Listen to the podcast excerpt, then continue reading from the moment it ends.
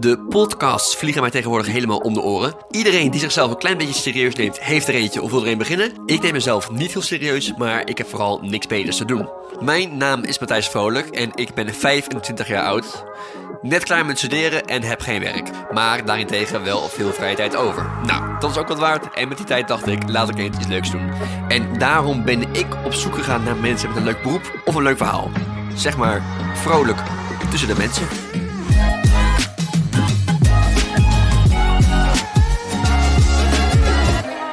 In deze aflevering dompel ik mezelf onder in de wereld van het vogelspotten. Gewapend met een verrekijker, telescoop en een vogelhandboek lig ik tussen de bosjes op zoek naar zeldzame vliegende exemplaren. En dat doe ik allemaal onder het toezicht oog van professioneel vogelaar Arjan Dwarshuis.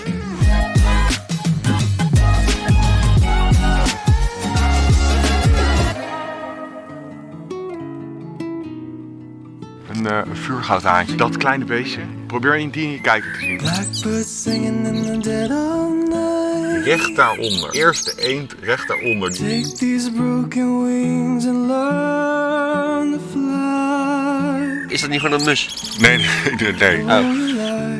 En hier kijk. Je ziet dit beestje. is een matkop. You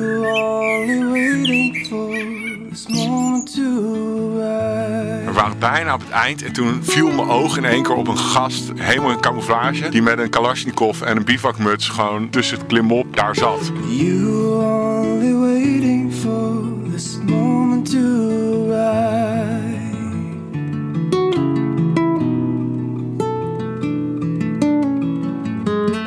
Als je dus tegen daar aankijkt, zie je allemaal vlekjes, allemaal witte vlekjes. Dat zijn de flanken van kuifeenden en tafeleenden. We zijn nu langs de Oostvaardersdijk bij de Pampenshaven. Het is een enorme uitgestrekte vlakte van water eigenlijk. En, en waarom zitten die eenden hier en niet gewoon in het warme zuiden? Nou, kijk, deze beesten komen uit eh, Scandinavië of zelfs eh, Siberië. Oh, dit is toch hier warm voor hun? Dus het is hier eh, redelijk warm voor ze. Sterker nog, als het echt streng vriest en er is alleen nog een stuk water hier open, dan eh, zijn ze hier ook prima in een element. En we gaan nu even iets dichterbij. We zitten dus in mijn auto nu. Als een heel groot deel van het vogels kijken voor mij is kijken of, of, er, of je er rariteiten tussenuit kan vissen. En gebeurt dat vaak of niet dat je bijzondere vogels ziet? Nou, dit is al bijzonder. Kijk, als je met je kijker wat meer links in de groep kijkt, onder het groene vuurtorentje, dat is een toppereend.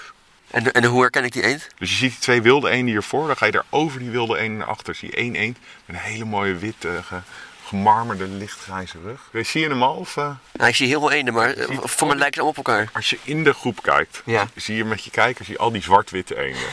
ja, ik zie heel veel zwarte eenden. Precies. De meest linksachter, die moet je even met je kijker moet je Ja. even kijken. Dan zie je een paar met een hele mooie lichtgrijzige, bijna witte rug in plaats van zwarte rug. Ze zijn ook iets forser. En, en stel, we zien zometeen een, eh, een bijzondere vogel, die waar ik nooit eh, Ik hier zie zien. al een bijzondere vogel. Oh jee. Het is te ingewikkeld om je uit te leggen waar die zwemt. ik zie namelijk een, een eh, kruising. Eenden zijn een beetje de vrijbuiters van de vogel. In het eh, dierenrijk zie je relatief weinig kruisingen. Dus twee verschillende soorten die met elkaar een jong krijgen. Bij eenden zie je het relatief vaak. Maar er zwemt hier dus een kruising tussen deze groep van een kuifeend keer een tafeleend. Doe maar. Eenden die krijgen enorme paringsdrift in het eh, vroege voorjaar. En dan ehm, pakken ze eigenlijk alles wat... eh, Wat ze pakken kunnen. ja, en een bekend eh, voorbeeld is ook de homoseksuele necrofiele eend van Kees Moeilijker. Dat is de conservator van het eh, Natuurhistorisch Museum Rotterdam. Die was op een dag aan het werk. Toen vloog er een eend, een wilde eend, mannetje. Die vloog tegen zijn ruit en die lag dood op zijn terras. Toen kwam er een andere wilde eend aangevlogen en die...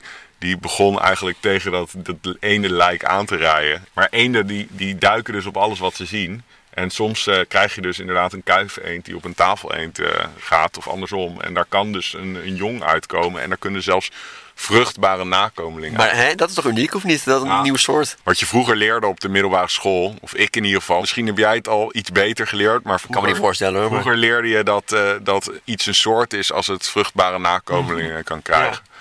Ehm, maar dat is achterhaald. En kuifeenden en toppers, die kunnen bijvoorbeeld een, eh, een, jonge, een jong krijgen die dan weer kan paren met een kuifeend en weer jongen kan krijgen. Dan krijg je niet een nieuwe soort, maar dan krijg je wel dat er iets tussen ligt wat er net een fractie anders uitziet. En, en ik zie dus zo'n kuifeend keer tafeleend nu, rechts achter in die groep. Maar we zitten meteen op een hoog niveau eh, Ik merk het, ja. in de complexiteit. En wat, en wat doen we ermee als we zo'n soort eh, tegenkomen? Eh, nou, in dit geval niet zoveel. Ik zie hem gewoon. Wat je dan weer krijgt, is dat zo'n kruising, die lijkt dan weer soms heel erg op een hele zeldzame soort uit Noord-Amerika, de kleine topper. En daar zit de spanning in. en dit, dus ik probeer, dat dan vaak denk ik, ah shit, ah, het is een uh, kuifker tafel eend. Maar zo heb ik dus ook wel zo'n kleine topper ontdekt uit Noord-Amerika. En hoe vaak gebeurt dat? Zeer zelden. Ik, eh, echt een echte zeldzaamheid ontdek ik één keer per jaar of zo. En, dat is echt, en dan bedoel ik echt mega zeldzaam. Ja. Kijk, ik kan je wel uitleggen waar die zwemt. nou ja, goed. Ik kijk tegen een groep van eh, 200 vogels aan, of eenden. Je ziet eh, zo'n hekje zie je in het riet liggen. Zie je dat? Ja, ja, ja. Richt daar je kijker op. Dan ga je iets verder naar rechts. Ja. En dan zie je op een gegeven moment een soort plastic zakachtig ding. Recht daaronder. Eerst de eend recht daaronder, die met zijn kop naar licht, links ligt, kuifje omhoog. Zie je dat hij fractie lichtere mantel heeft dan die kuifeenden links en rechts ervan. Ik weet niet of je hem zag. Ik heb het idee van niet. Kijk, dit was even echt even meteen hoog Maar nu gaan we echt naar de makkelijke vogels We gaan toe. nu gewoon naar zeearend zoeken. De zeearends. We gaan nu even een illegale move doen. Ja hoor. Ik ga hier altijd even zo schuin. Kan jou het schelen. Ja, precies. Dus we gaan hier even zo Over het fietspad heen. over het fietspad. Noorderberm. En dan door de wegberm. En dan, eh, nu gaan we, we rijden we gewoon naar, de, naar het bezoekerscentrum van de Oostvaardersplassen. Oké, oké. Ja. En dan gaan, we, dan gaan we op zoek naar, eh, naar zeearend. Lekker kietserige vogel met een spanwijdte van 2,40 meter.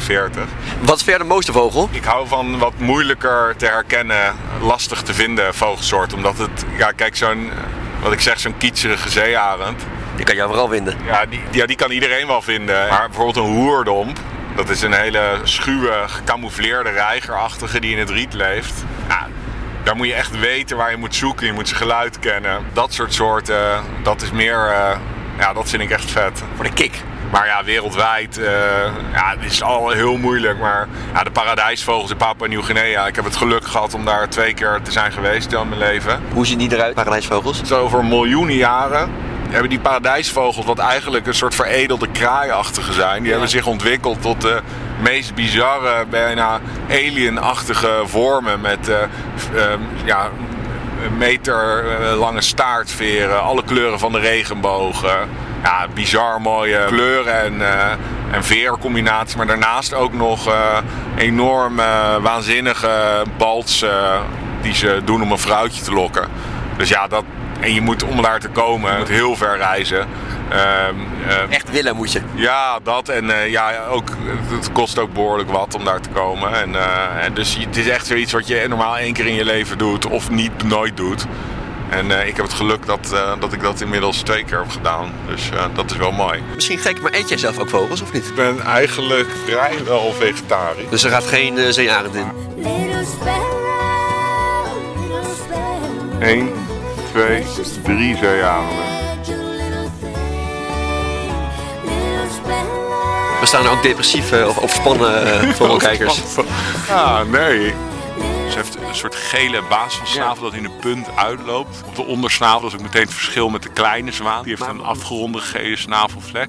Maak je dan dingen mee als je hier staat eh, te vogelen? Omdat je natuurlijk s ochtends vroeg op eh, gekke plekken aan het lopen bent, eh, kom je wel regelmatig eh, eh, neukende stelletjes tegen.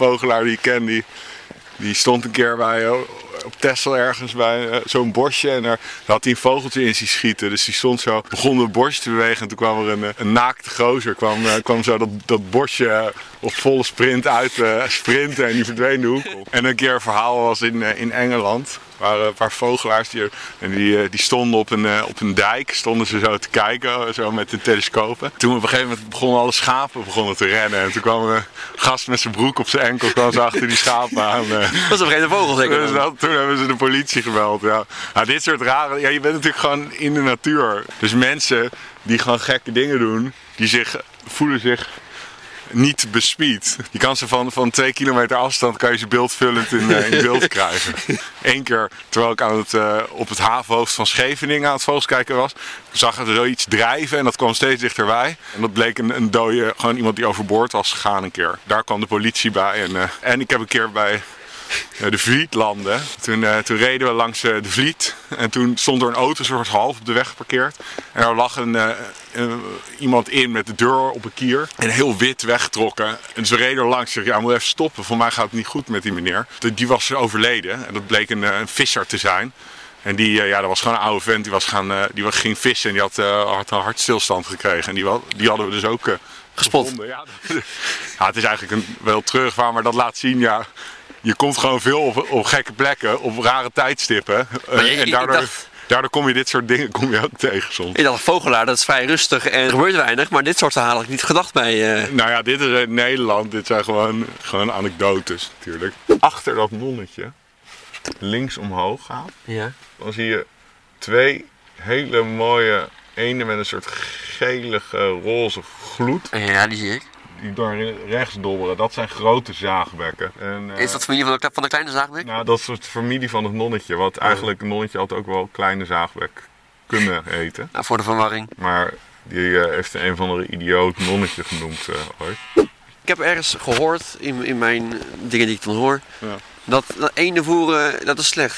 Nou, brood eh, is niet zo goed voor vogels. Kunnen ze diarree van krijgen of eh, eh, verstopt van raken juist. En er zit heel veel zout in brood, vaak in suiker. Ja. Dus als jij gewoon een wit casino wit aan een vogel voert, is dat absoluut niet goed voor. Ja, het is natuurlijk goed om een beetje draagvlak bij kinderen te krijgen, de eentjes voeren. Maar dan kan je ze beter een zak eh, vogelvoer of graan ja. en, en niet een casino wit. Weet je waar je dat heel goed aan kan zien? Als je in de stad bij de snackbar een patatje haalt, Ja. valt je dan niet op hoe vaak je bijvoorbeeld van die duiven ziet met van die kapotte pootjes en zo? Ja. Van die stomppootjes, Oh, die van die stadsduiven. En, en je ziet ook vaak kauwen of merels die witte veertjes hebben. Ja. En dat zie je met name in de stad. Dat komt doordat ze genetische defecten krijgen. Doordat ze heel vet en zout dieet krijgen. Dus heel veel patat en wit, casino wit en dat soort shit. Is voor vogels heel slecht. Het is natuurlijk ook doordat ze in een heel gevaarlijke milieu eh, leven. Dus al snel komen ze hun pootjes verstrikt in dingen en zo. Dus dat draagt eraan bij. Maar het is ook echt eh, gewoon suikerziekte. Oh, en hier, kijk. Je ziet dit beestje met de witte wang. Hier beneden. Ja. Die naar rechts ja, vliegt. ja. Is een matkop. Een matkop is de eh, schaarste meesensoort van eh, Nederland. En ehm, dat is een specialist van eh, moerasbos. Maar ik ga even een trucje doen. Wat zeg je nou tegen de vogels? Nou, ja, dit is gewoon een soort alarmgeluid. en dat komen ze vaak even kijken. Maar er reageert nu weinig. Dialect eh, fluitje misschien. Ja. Hey, sport jij liever in de zomer of in de winter? Nou, spotten doe ik sowieso zo min mogelijk. Want dat vind ik altijd een beetje een knullige term. maar daar kan jij niks aan doen hoor, omdat het zo vaak wordt genoemd. Hoe heet het dan volgens jou? Ja, vogels kijken en ik ben een vogelaar, zo noem ik het altijd. Is vogelaar minder sneu dan spotten? Ja, ik vind, ik vind spotten, eh, associeer ik altijd een beetje met vliegtuigspotten. Weet je. en die vliegen ook. ja, ik, nee, ik, ik noem het wel graag vogels kijken. Maar dan nog, zomer of in de winter? Meer voorjaar en najaar. Dan heb je de, de vogeltrek. Ja. Dus dan is er een enorme beweging van vogels van en naar de overwinteringsgebieden. Ja. En naar de broedgebieden, snap je? Dus dan kan je vogels uit alle windstreken kan je in Nederland zien. Plus de aantallen vogels zijn veel hoger. Dus daarom vind ik het voor en najaar het leukst. Zijn alle vogels al ontdekt? Of eh, zijn er nog een paar? in de wereld. Ja. Twee, drie keer per jaar nog maar, wordt er iets totaal nieuws ontdekt. En dat is natuurlijk spektakel. Dus eh, zo werd er een paar jaar terug, werd in Peru de, de Cordillera Azul Antbird ontdekt. Nooit van gehoord. Nee, dat snap ik wel. Dat was echt een, eh, een, een, een vogel eh, die echt op niks anders leek, weet je wel. Ja, hij leek op een andere antbird ergens in, die in Suriname en Guyana voorkwam. Maar dit was in Peru. En dan echt, weet je wel, een, een genus wat nog niet voorkwam in Peru. En eh, totaal eh, eh, andere zang dan wat voor antbird dan ook. En echt iets totaal nieuws. En dat is echt, ja, dat is natuurlijk een grote droom van mij om dat ooit nog te ontdekken, zoiets. Maar de kans dat dat gaat gebeuren is, is uiterst klein, zo niet ongeveer nul, weet je wel. Want Nou ja, wellicht vandaag nog. nou, Als we hier toch rijden. in Nederland zou zoiets nooit, nooit gaan gebeuren. Ik zou je vertellen, ik was op een gegeven moment in Colombia. En we waren in de Periga Mountains, dus dat is echt tegen de grens van Venezuela. Waar ook de FARC, een van de laatste bolwerken van de FARC was dat. Ja. Toen eh, waren we op, zoek naar een andere zeldzame vogel, uiteraard. Toen dacht ik echt dat we, dat we de lul waren. Want toen liepen we door een pad zo door de jungle.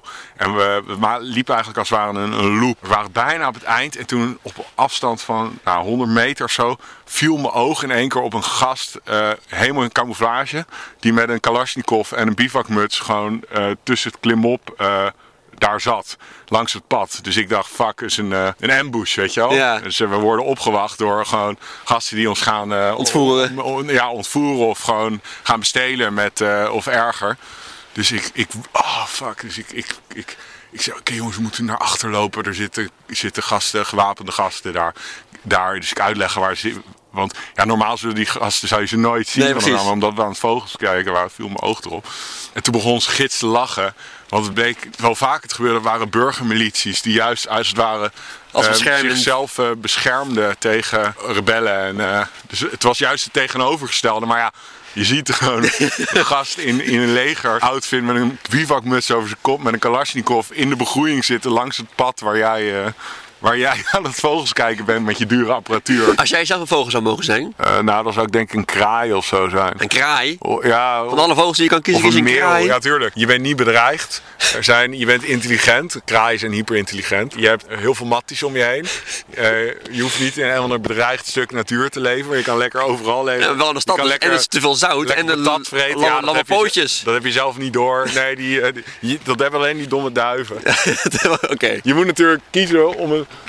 algemene vogel, intelligent. Ja, dan is kraai eh, is denk ik best wel een goeie. Zeearend en in de kou. eh, je, je leeft grotendeels solitair. Ja, goed, maar je komt wel ver. Nou, je kan als kraai, kan je ook eh, als je wil, easy in, eh, in een paar dagen tijd naar, naar Scandinavië. Oké. Doe mij maar lekker een kraai of, of een patatmeel. Weet je wel? ook helemaal chill. Dat is toch mooi dat je een diehard vogelaar bent en dan het liefste zou je een kraai Ja, willen zijn. juist omdat ik een diehard vogelaar ben, weet ik wat chill is eh, om te zijn, denk ik. Now I'm looking to the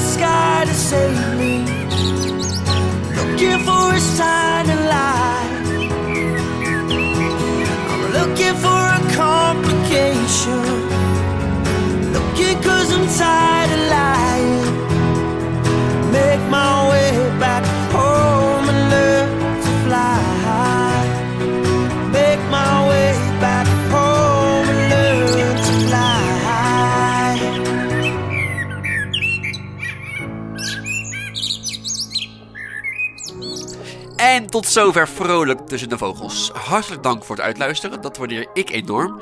En ook dank aan Arjan die mij wilde meenemen op deze bijzondere expeditie. Voor meer vogelverhalen kan je luisteren naar de podcast van Arjan, genaamd De Vogels Podcast. En als je mijn podcast nou leuk vindt, zou ik het enorm waarderen als je een aantal sterren geeft in je podcast-app of dat je je abonneert. Dat helpt mij weer om door meer mensen gevonden te worden. En voor de rest kan je natuurlijk ook deze aflevering delen met al je vogelvrienden. En als je dat toch doet, volg mij dan ook eventjes op Instagram. Vrolijk tussen de mensen. En dan heb ik nog meer goed nieuws, want over twee weken leer ik hoe je de allerbeste koffie maakt. Is, is koffie slecht voor je hartflor of niet? Ik ben toch geen dokter? Oh. Nee, maar je bent wel koffiezetter. Ja, ehm Matthijs. Ja, is het geen Ik goed idee? wel niet dat je bent. Ik heb hier vijf jaar voor gestudeerd voor deze vragen. Ja, dat zal wel weer, ja. Bedankt voor het luisteren en de hartelijke groeten.